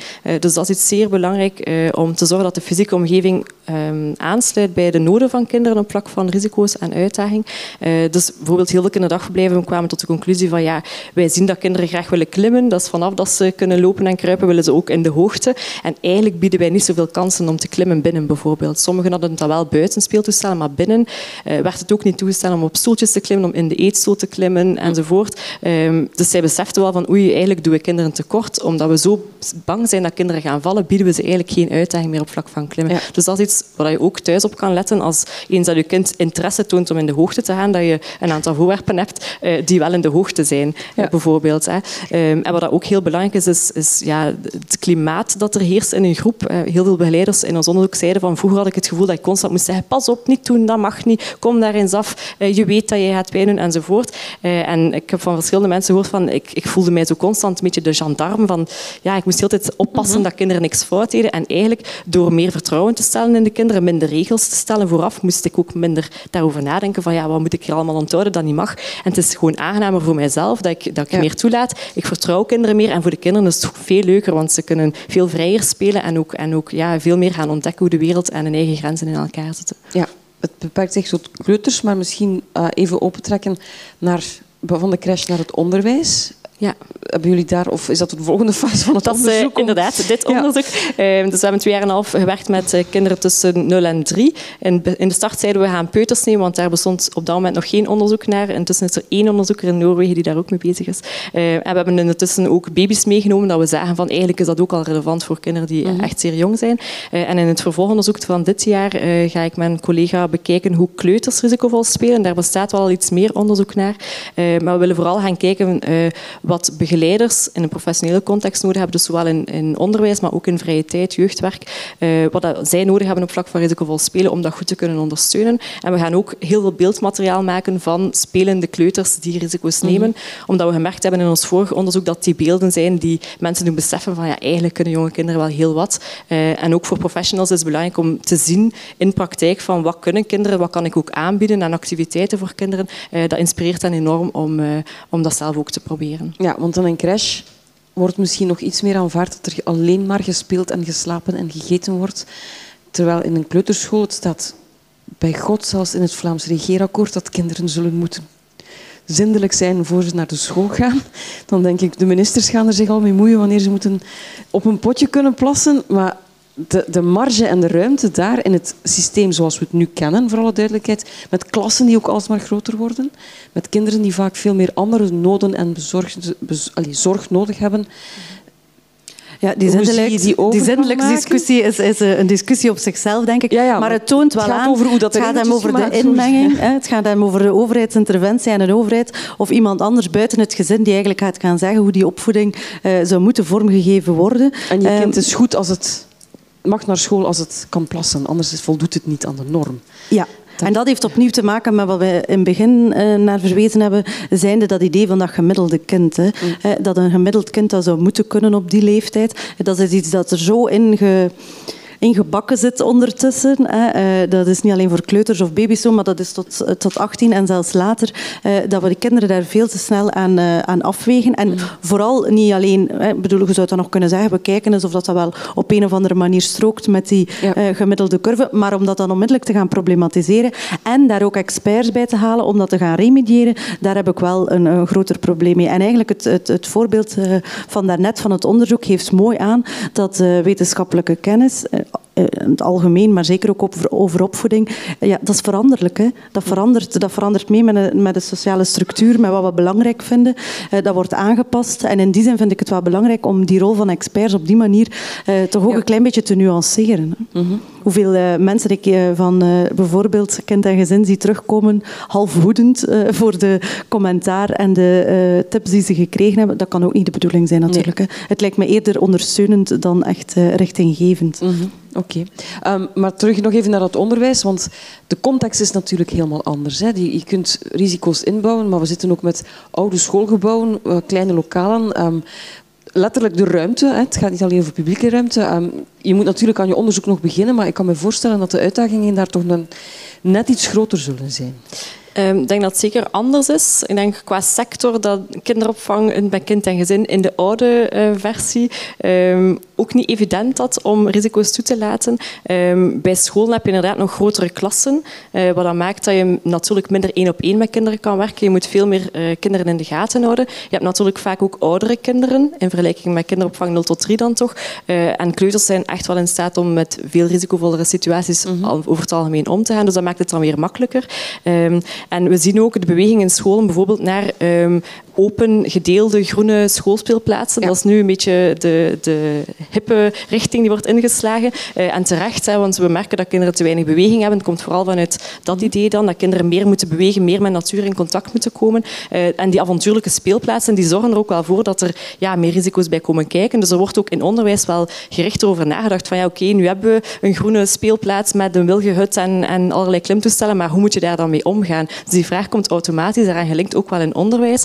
Uh, en wij zijn officieel nog niet bezig in sector onderwijs, maar we hebben ook een Facebookgroep voor professionals en ouders die rond risicovol spelen inspiratie willen opdoen. En we merken daar dat er vanuit onderwijs ook heel wat interesse komt. En er zijn heel wat mensen die, die in onderwijs nu in de huidige vorm, die ja. inderdaad niet ideaal is, ook wel hele mooie dingen doen met kinderen op vlak van risicovol spelen. Dus ik denk dat vooral de mindset is van de leerkracht of van de andere persoon die met kinderen werkt, eens ja. dat die mee is in het belang van risicovol spelen en, en onze visie ook uh, ten gronde begrijpt dat hij zeer snel binnen eender welk systeem dat hij werkt ook wel een manier vindt om dat toe te staan mm -hmm. bij kinderen. Oké, okay, je verwees in het begin al naar um, uh, binnen het onderzoek dat je gevoerd hebt, filmpjes of foto's, maar um, en dat is misschien ook binnen onderwijs nog moeilijker, hoe, hoe goed zitten ouders, uh, professionelen en, en onderwijsleerkrachten op dezelfde lijn als het gaat over van wat is een risico? De discussie van de jeugdbeweging, van mensen die kwaad zijn als hun kinderen met een gescheurde broek naar huis komen. om dan maar het cliché te noemen, maar binnen een schoolomgeving verwachten ouders misschien nog net iets meer dat ze daar vooral leren en dingen leren en dat de risico's daar niet, moet niet te zot worden. Hè? Wel, daarnet zei je ook van, er wordt alleen maar gespeeld of ouders wachten dat kinderen leren. Uh, mijn overtuiging is als kinderen vrij spelen, dat ze automatisch aan het leren zijn. Uh, omdat ze in spel... Ook... Denken alle ouders zo? Ja, nee, dat, uh, dat denk ik niet, dat alle ouders dat denken, maar dat is wel mijn overtuiging. En ik denk ook, als je daar, daarom dat beelden belangrijk zijn, als je aan ouders beelden kan tonen van een kind dat aan het spelen is, en je hebt iemand die wel in die beelden kan zien van wat is uw kind hier eigenlijk aan het leren, wat is de interesse van uw kind op het moment dat hij dat aan het spelen is. Mm -hmm. en je kan dat bespreken met ouders, dat zij dat ook wel zeer snel gaan zien bij een eigen kind. Dus ik denk, als je vraagt van zitten ouders en school enzovoort op dezelfde lijn, ik denk het niet. Ja. um, ik heb al met teams gewerkt in kinderopvang, teams met scholen, ik heb met ouders gesproken. Um, in elke, in elke groep van mensen heb je alle meningen door elkaar. Je hebt altijd de voorstanders, de tegenstanders en alle mensen die daartussen zitten. Um, in elk team heb je, heb je die verschillen en dat is ook logisch. Mm -hmm. hè? Um, en ik denk op dezelfde lijn zitten is belangrijk in die zin dat je ziet allemaal waarom dat risicovol spelen belangrijk is voor kinderen, dat je de meerwaarde ervan ziet en dat je ook uh, gezamenlijk beslist van we willen het beste voor dit kind. Mm -hmm. uh, en dat kan ook door risicovol spelen toe te laten en goed te ondersteunen. Maar daarbinnen mag iedereen wel zijn eigenheid hebben. En we krijgen die, vaak ook, die vraag ook vaak van verantwoordelijken van ja, ik ben overtuigd van het belang van risicovol spelen, maar hoe krijg ik mijn team op één lijn? Ja. En dan stel ik wel de vraag van wat bedoel je met op één lijn? Wil je dat iedereen die standaard aanpak heeft uh, en op dezelfde wetenschappelijk onderbouwde manier met die kinderen omgaat? Of ga je ervan uit van dit zijn allemaal zeer diverse mensen in mijn team en dat is net de meerwaarde. Ja. Um, je mag gerust als begeleider of als ouder bezorgd zijn en je mag zeggen van eens dat mijn kind begint te klimmen of begint te stoeien of met een mes in zijn handen staat, ik vind dat niet oké, okay. ik, ik zie dat echt niet zitten om, om daarmee om te gaan. Je mag dan gerust zeggen aan je collega of aan je partner van doe jij even, um, want dat is echt hier niet mijn, niet mijn ding. Mm -hmm. um, maar wat is wel belangrijk uh, als ouder, maar zeker als professional, dat je dat ook weet van kijk, door mijn eigen schrik binnen een van die vormen van risicovol spelen, um, ga ik mijn kind daar niet alle kansen geven. Want mijn kind is daar wel klaar voor, zoekt daar ook naar, vraagt daar ook naar. Um, dat je dat beseft van waar ligt mijn eigen grens en dat je daar ook beseft van ik, ik moet dan, als ik alle kansen wil geven, iemand anders inschakelen om dat voor mij uh, aan te vullen. En ja. zo kan je in een team, net door die diversiteit, zorgen dat kinderen al die kansen krijgen omdat jullie samen daarvoor zorgen. Oké. Okay. Um, misschien ook even, want jij zei in het begin, je hebt je onderzoek ook gedaan naar, of je doctoraatstudie naar Weeshuizen. Um, het, is een, het is een hele grote stap in één keer. We zijn ook bij de film begonnen daarnet. Maar wat dan met, met de minder klassieke opvoedingssituaties waar kinderen in een pleeggezin terechtkomen of waar kinderen in een, in een, uh, um, onder een voogdijschap staan of in een weeshuis uh, of een geplaatste situatie, kan je Moeten we daar anders risico's inschatten? Um, of of moeten we die kinderen eigenlijk op dezelfde manier behandelen? Wel, daar zit je natuurlijk in een nog meer geprofessionaliseerde ja. context, hè, waar men ervan uitgaat dat er zoiets is als een opvoedingsvisie en, en, een beleid. Je kan niet zeggen van doe maar allemaal wat je denkt dat het best ja. is. Hè. Dus daar, daar, daar denk ik dat we opnieuw een beetje terechtkomen in de discussie over die individuele versus gedeelde ja. verantwoordelijkheid, dan vooral voor de professionals. Mm -hmm. uh, als het gaat over de weeshuizen, ja, dan gaat het natuurlijk al over een aantal jaren geleden. Hè. Vandaag uh, hebben we dat minder, hebben we het meer over vormen van pleegzorg. Hè. Die institutionalisering van kinderen vinden voor veel redenen niet meer zo uh, een, een, een, goed idee vandaag. Uh, dus we gaan meer naar die pleegzorg. En daar krijg je natuurlijk de hele discussie, denk ik. Dus wat is een ouder? Is dat iemand die dagelijks instaat voor de zorg voor de kinderen? Is dat een natuurlijke ouder? kan dat nog iemand anders zijn? Kan dat gedeeld worden ook? Kan je eigenlijk de opvoeding vormgeven met verschillende mensen? dat is iets moeilijk voor ons. Voor ons, dan bedoel ik vanuit onze samenleving, is dat, is dat een moeilijk idee. Uh, we zouden geneigd zijn om te zeggen, ja natuurlijk kan dat, maar om dat in de praktijk om te zetten, bijvoorbeeld in contexten van pleegzorg, blijkt dat zeer moeilijk te zijn. Ja. Je ziet dat er daar iemand het voortouw in neemt, uh, net omwille van het feit dat opvoeding iets zeer normatief is. Hè. Mm -hmm. Wat goed en wat slechte opvoeding is en alles daartussen, is iets dat, uh, dat je zelf invult, vaak vanuit je eigen ervaring natuurlijk, vanuit je eigen opvoeding. Um, dus om daar op één lijn te gaan staan, als het gaat over die verschillende professionals, maar voor verschillende opvoeders in die thuissituatie is dat alles behalve gemakkelijk, denk ik. Ja. Wat is de meest opvallende conclusie geweest uit jouw onderzoek? Dat vroeg ik mij. Als ik vorige week alle persartikels zag, dan dacht ik van oké, okay, we krijgen de klassiekers van laat ze maar eens met een schaar rondlopen en laat ze maar eens met een stok slaan op iets. Maar zijn er dingen uitgekomen waarvan je dacht, dit had ik nooit ingeschat? Ik vind uh, het is zeer moeilijk om er één ding uit te pikken. Ja, want ik, er zijn er uh, veel dus. Ja. ja. Um, wat ik zelf zeer verbazend vond, en ook de professionals uit ons onderzoek, is vooral wat kinderen al kunnen ja. op vlak van risico's. Ik, ik ben zelf heel verbaasd geweest door, door te kijken naar die zeer jonge kinderen van ja, die is nog geen jaar en die toont hier al kleine signalen van ik heb dat gemerkt dat hier een gevaar is of ik moet mijzelf beschermen Mhm. daartegen. Dat ik zelf vooraf nooit ingeschat, ondanks dat ik al heel lang overtuigd ben van de kracht van zeer jonge kinderen, eh, was dat toch zeer verbazingwekkend voor mijzelf en ook veel professionals met mij. Van als we ze laten doen, kijk eens waar ze toe in staat zijn. Dat vond ik zelf het meest verbazende. En dan ook het concept van risicocompetentie eh, kende ik natuurlijk al theoretisch, eh, maar om dat dan te zien in praktijk, van wat heb je allemaal nodig om een risico goed te kunnen inschatten en daar goed mee te kunnen omgaan. Mhm. Uh, dat is ook zo divers hoe kinderen dat dan invullen. Uh, en ook in zo verschillende situaties heb je dan weer net andere dingen nodig. Dat vond ik ook zeer uh, interessant om te zien. Oké. Okay. Goed. Ik stel voor dat we even kijken er nog vragen en bedenkingen of aanvullingen zijn. Um, ik ga even assistentie inroepen om de micro rond te dragen. Lise, of als er iemand wil bijspringen zijn social media aan het verzorgen voor het wetenschapscafé. Um, wie heeft nog een vraag of wie wil nog iets uh, voorleggen aan Helena en of Lieselot? Niemand? Anders nemen we misschien... Is het niet handiger? Ja. En dan gaan we even telen.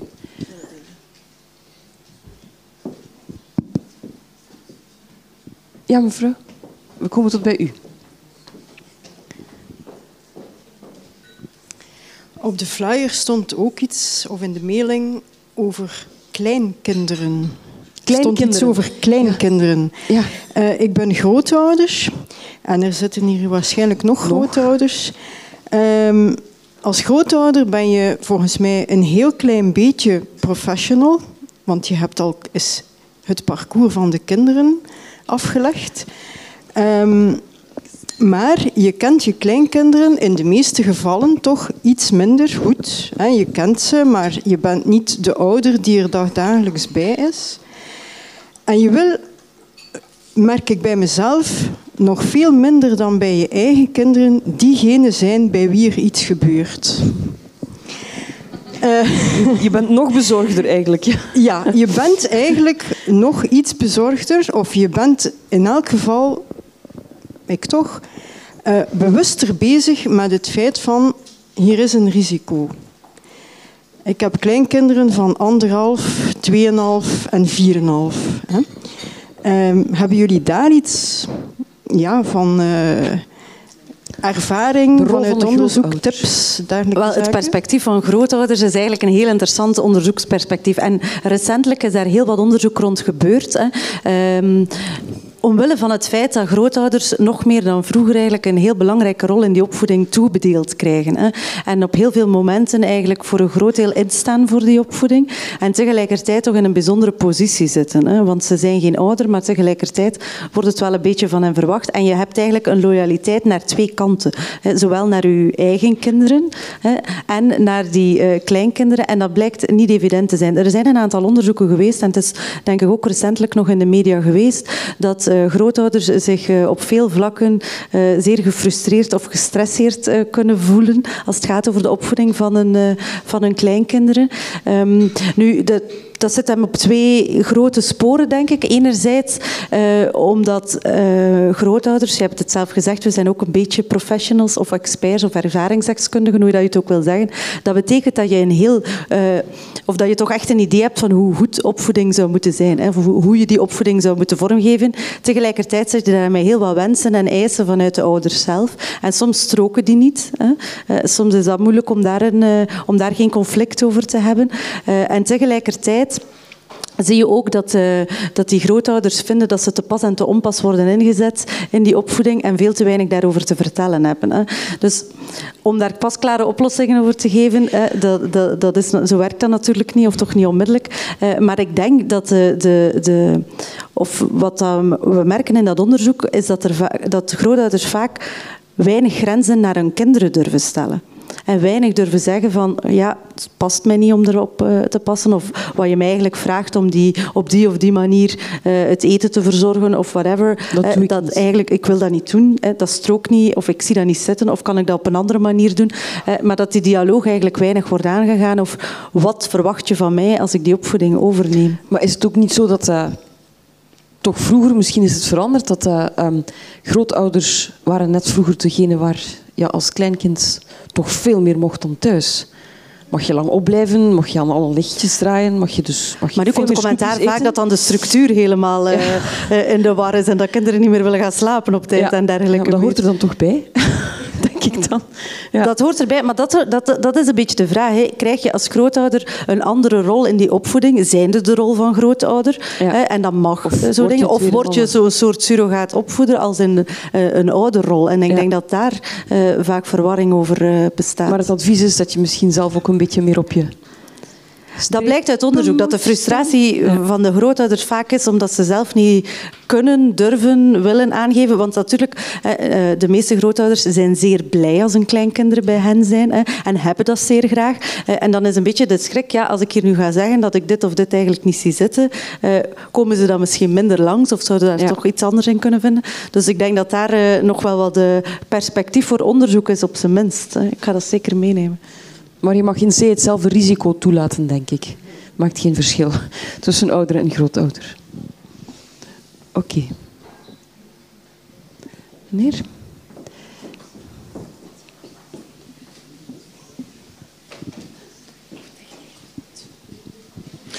Um, ik wil eerst de, drie sprekers eigenlijk feliciteren. Ik vond het een zeer um, helder en, en boeiend debat. Um, je hebt ons eigenlijk meegenomen in een, in een, poging om toch dat denken over meer risicovol um, spelen en opvoeden toe te laten. Je kunt je afvragen in hoeverre ben je geslaagd. Je hebt nu nog niet gevraagd. Maar je hebt op het einde eigenlijk ook wel nog aangegeven dat het eigenlijk tamelijk moeilijk is mm. om die idee eigenlijk te verkondigen. Te verkopen is een slecht woord, vergeef het mij. Um, maar je hebt onderweg eigenlijk ook iets aangegeven dat ik dacht van Stel nu eens, en we zitten in, in, ook in het filmfestival, stel nu dat we maar halfweg deze avond zijn en dat u nog een uur volgt met uh, tien uh, videofragmenten over spelende kinderen, waar dat jullie dan eigenlijk duiden wat een mogelijke reactie is en wat een andere reactie is. Mm -hmm. In de zin van ingrijpen of niet ingrijpen, of welk soort ingrepen. Dat zat ik me af te vragen. Ik geloof dat mm dat een van jullie twee het gezegd heeft dat het waarschijnlijk een erg goed didactisch medium is om, om dat te gebruiken en, en mensen te overtuigen. Want, ik voel dat ook aan, we zijn allemaal een beetje behept met het idee van, ja, het kan bij mij, of het mag bij mij niet gebeuren. Hè. Of de professionele context is van die aard dat de veiligheidsadviseur daar ook zijn stempel op gedrukt en zegt van, hè, amai, maak dat het ongeval hier niet gebeurt. Hè? Of dat de verzekering niet moet optreden, enzovoort. Maar ja, hoe gaan we ons allemaal uh, een beetje omscholen? Ik, ik dacht, wat denk je van de... Je hebt geen videofragmenten meegebracht, nee. Filmpjes. Een wekelijkse post. Zo, zoals Kijk uit vroeger, maar dan nu zo. Laat los. Ik zou zeggen, uh, kom op onze Facebookgroep. Daar worden er dagelijks filmpjes en foto's gepost van kinderen die risicovol spelen. Dus als je echt concrete beelden zoekt, dan uh, is dat de place to be. Uh, dat is gewoon op Facebook groups en dan slash risicovol spelen, dan ga je ons wel vinden. Ja. Ehm, dus ik denk dat dat de beste manier is. Er zat ook een fanfilmpje in het VRT-journaal vorige week, ja. dat je ook nog terugvindt. Ja, um, op onze website. We hebben ook website risicovolspelen.be. Daar vind je ook de, de filmpjes die in het nieuws geweest de zijn. tips en tricks. Die, die komen daar ook op. Oké. Maar is het zo concreet? Want um, ja, jullie zijn nu op dit moment bezig met kind en gezin en workshops. Maar ja, je voelt ook heel veel ouders zijn op zoek naar wat, wat, wat mag, wanneer kom ik dan wel? Daar ligt misschien nog wel iets natuurlijk. Hè? Ja, ja, we hebben heel veel interesse vanuit ouders ook. We hebben ook al een aantal lezingen voor ouders gepland. Eh, maar dat gaat altijd via organisaties en zo. Dus als je zelf een oudervereniging hebt en je hebt interesse, dan kan dat ook altijd om uh, vorming aan te vragen. Maar dan zijn we toch weer bezig met het professionaliseren van dat Ja, maar als de vrager is, dan, uh, dan wil ik daar zeker in meegaan. Ja, oké. Okay. Um, ik ben zelf voor het absoluut voor risicovol spelen, maar ik merk, ik ben uh, moeder van twee kinderen, waarvan één extreem roekeloos kind, zoals het net noemde. Extreem dan ook, uh, Ja, echt een, uh, een avonturier.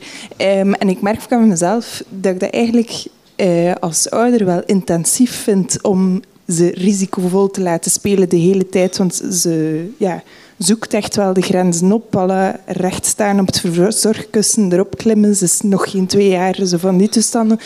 Je laat dat dan wel doen, maar dat is wel, ik vind dat niet de gemakkelijkste oplossing als ouder. Het is veel gemakkelijker om ze in een veilige omgeving te stoppen. En ik vraag me af, in hoeverre is al onderzocht wat, wat voor invloed dat, dat heeft op uh, op de ouder om zo het kind vrij te laten. Want allee, dat is allemaal mooi, maar we zitten wel in de maatschappij dat we nu zijn. Allee, uh -huh. hoe, hoe rijmt zich dat? Hoe, hoe ver kunnen we daarin gaan en dat laten doen? Ons onderzoek ging niet specifiek naar ouders, um, maar ik observeer wel veel ouders, zoals ik al zei, op de speeltuinen en zo. Um, en het is inderdaad niet zo evident als je kind van nature heel veel risico's neemt, uh, hebben we snel de neiging om dat te gaan inperken. Dat is één voor jezelf ook makkelijker, maar ook je gaat minder reactie van anderen krijgen. Als, als je kind uh, flink luistert en alle regeltjes volgt, gaan mensen knikken en denken, oké, goed kind, goede ouder. Uh, dat is de makkelijkste manier. En het vergt wel een beetje van jezelf, zowel qua energie, om dan te zorgen dat een kind effectief niks overkomt, als je kind vrij mag spelen, is de kans ook groter dat er misschien iets gaat gebeuren. Dus dat legt meer verantwoordelijkheid bij jezelf, maar ook vraagt ook meer alertheid om dan te zorgen dat je, dat je vaker in de buurt bent. Zeker als een kind roekeloos speelt, dat je, dat je ook een soort vangnet bent, soms letterlijk voor je kind, als er dan toch iets misgaat. Hè. Dus het vraagt veel energie op het moment zelf, maar ook als er reacties van anderen komen en je bent dan niet de ouder die strikt alle regeltjes volgt, of die, eh, je bent dan de, de ouder van het kind dat wel omgekeerd de glijbaan op mag en dan staan er vijf ouders te kijken, mijn kind zit bovenaan en je kind klimt in de omgekeerde richting en je doet niks. Uh, dat is, dan, terwijl ik denk, ja, laat het dan zelf oplossen. Kinderen vinden zelf wel een manier om daar een systeem in te bedenken dat het eerlijk is voor iedereen. Um, dus je moet wel sterk in je, in je, schoenen staan naar andere ouders om dat toe te laten. En inderdaad, het vraagt wel meer van jezelf, um, maar het loont ook. Hè. Op den duur gaat je kind kunnen omgaan met risico's. Misschien sneller dan op de manier eh, dat jij zou dingen verbieden en je kind in de hand houden. Gaat het misschien luisteren, maar gaat het dan effectief begrijpen waarom het iets niet mag doen? Dat betwijfel ik ten zeerste. Dus ik ben er zeker van dat het op termijn loont. Alleen is het nu, zit je nu in een zeer intensieve fase, denk ik, waar dat je even door moet eh, totdat ze een beetje bij reden is en iets minder roekeloos gaat spelen. Oké, okay, Lieselot? Ja, ik zou daar wel willen bij aanvullen. Ik kan mij volledig aansluiten, maar er is natuurlijk een verschil tussen speeltijd en andere facetten van de opvoeding. Ik, als ik je hoor zeggen, als ze recht staan op een verzorgingskussen en dergelijke, ja, als bij wijze van spreken die pamper moet ververst worden, dat is geen speeltijd. Hè. Dan, dan hoeven de risico's eh, niet in die mate eh, de vrije loop te laten gaan. Dat is iets anders dan op dat ze op de glijbaan zitten. Hè. Dus het gaat om, over... Ehm, als kinderen spelen, hè, welke ruimte creëer je als ze echt aan het spelen zijn en mogen spelen? En laat je ze dan experimenteren met die grenzen en die risico's? Maar dat is iets helemaal anders als je bijvoorbeeld bij wijze van spreken op de bus zit eh, en ze moeten neerzitten omdat het anders te gevaarlijk is. Hè, als je rondloopt.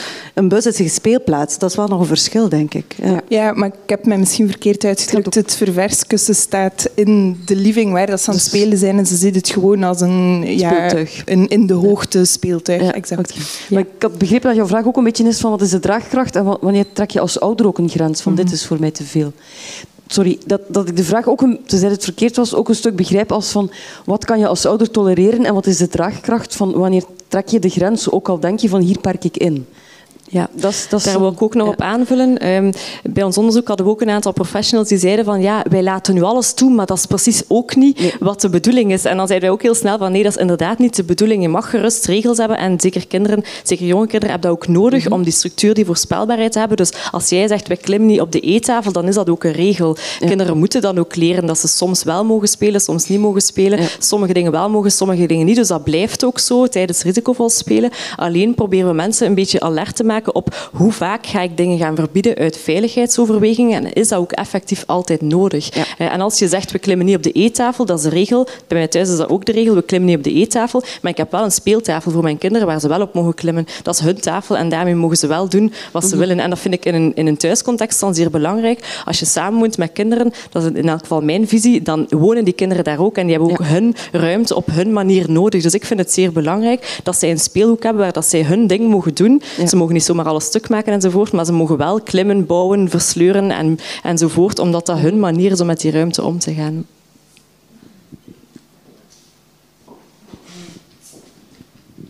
Nog vragen of bedenkingen? Het risicovol spelen heeft dan ook nog een, een, ehm, een verschil. Ehm, ik ken een kindje dat als ze nog heel klein was, plankjes legde van op een, uh, een bijzetkastje naar uh, de leuning van de zetel, van de leuning naar het salontafel, van het salontafel, dus in de living. Was heel, was heel klein en jong, een jaar en een half misschien, of nog niet. En ze deed dat, en ze, een heel goed evenwicht en al. Gingen we dan naar de bibliotheek, dat was in Knokken, daar is daar ook een speelterrein met ehm, een soort van loopbrug, ja. zo'n klimding. Voor zo'n heel klein kind. Maar natuurlijk, haar vader, die was bijna twee meter. Die is wel een heel stuk groter dan ik, die maar een meter zestig ben. Dus als haar vader zijn hand uitstak, ze mag nog tussen die gaten vallen, die kon haar pakken. Het is niet dat het nodig was. Ze was enorm uh, goed van evenwicht en, en behendig en zo. Maar als ik dan naar de, naar de ging en ik ging maar ook niet naar die speeltuin, wou ze daar ook in. Ja. Dan zei ik, maar nee, niet met mij. Hè. Zeg, want ik kan nu... Misschien er toch in, hè, natuurlijk. Maar dan heb je wel even schrik. Hè. Ja. Ja. Bij kleuterleidster, ik ben met, met veel kinderen... Met, allee, ik heb al gedaan met werken, dus ik heb er veel onder mijn handen gehad.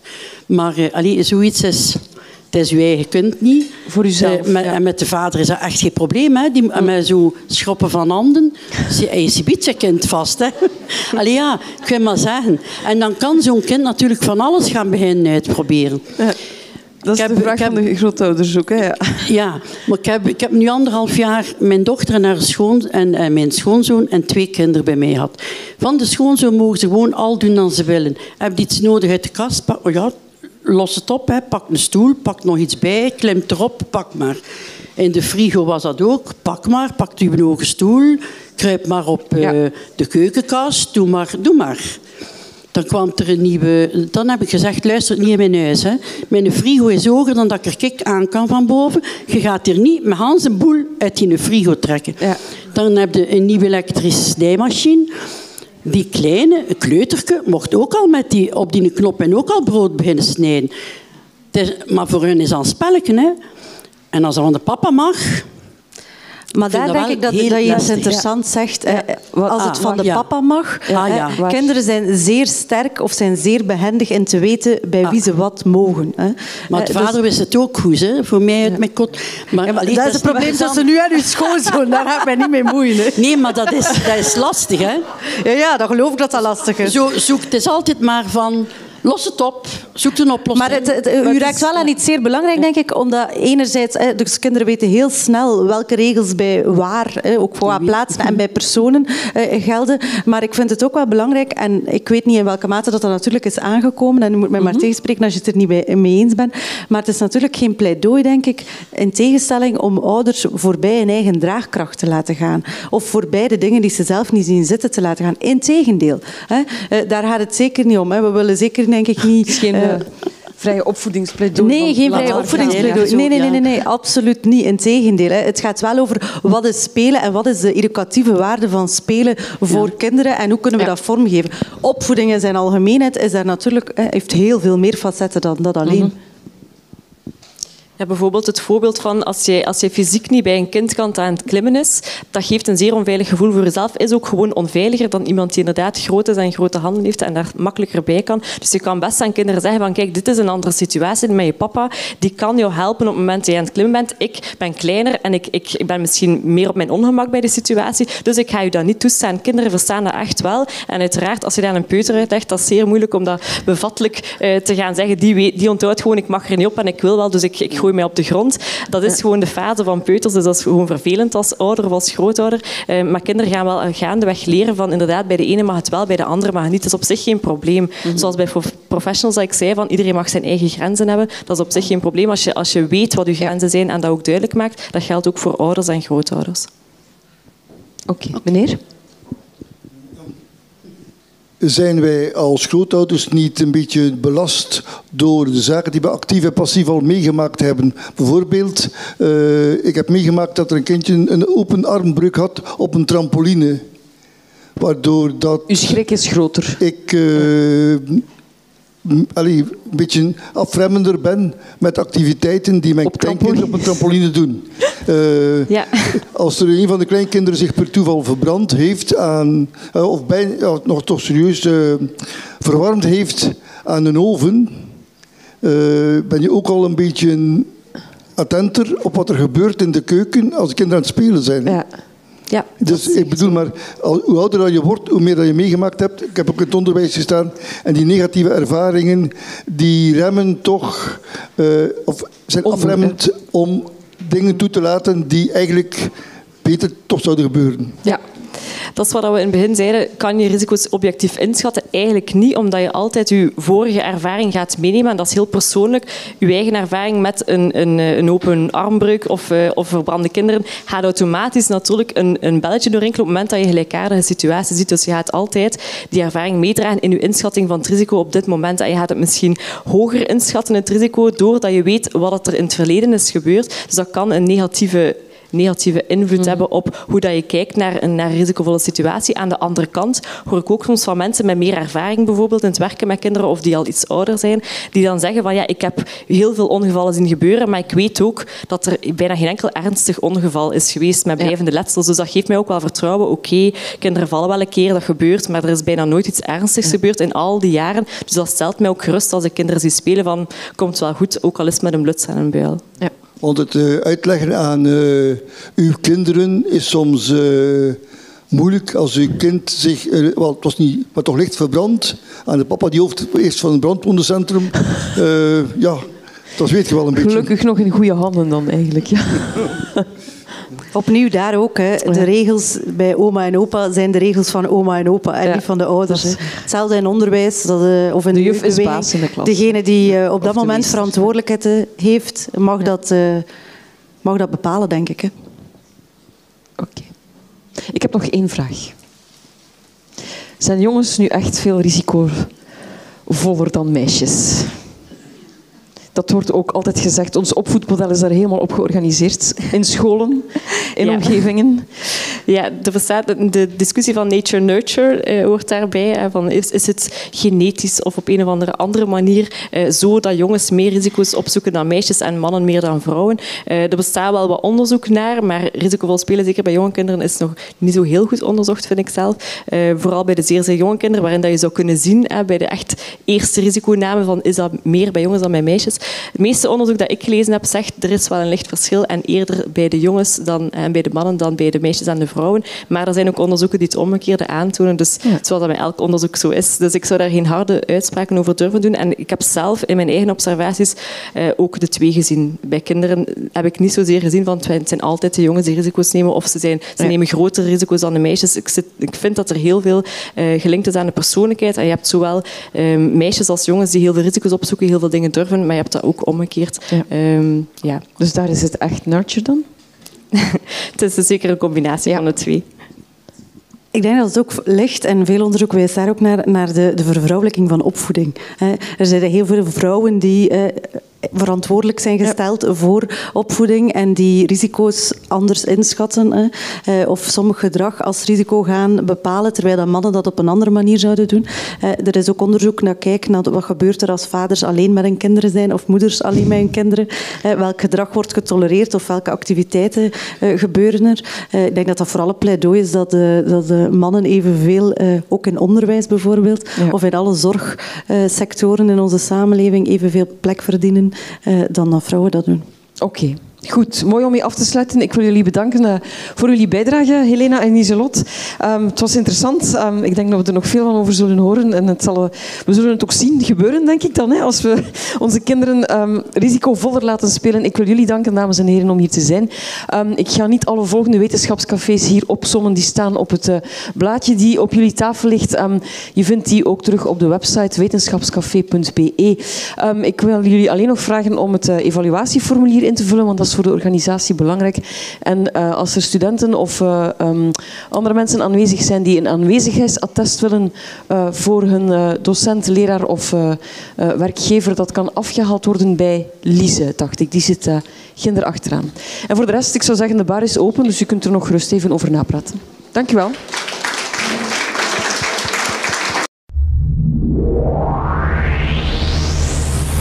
Very long time ago, the universe simply burst into existence. An event called Het Wetenschapscafé. Wetenschap tussen pot en pint. Voor iedereen met een gezonde dorst naar kennis.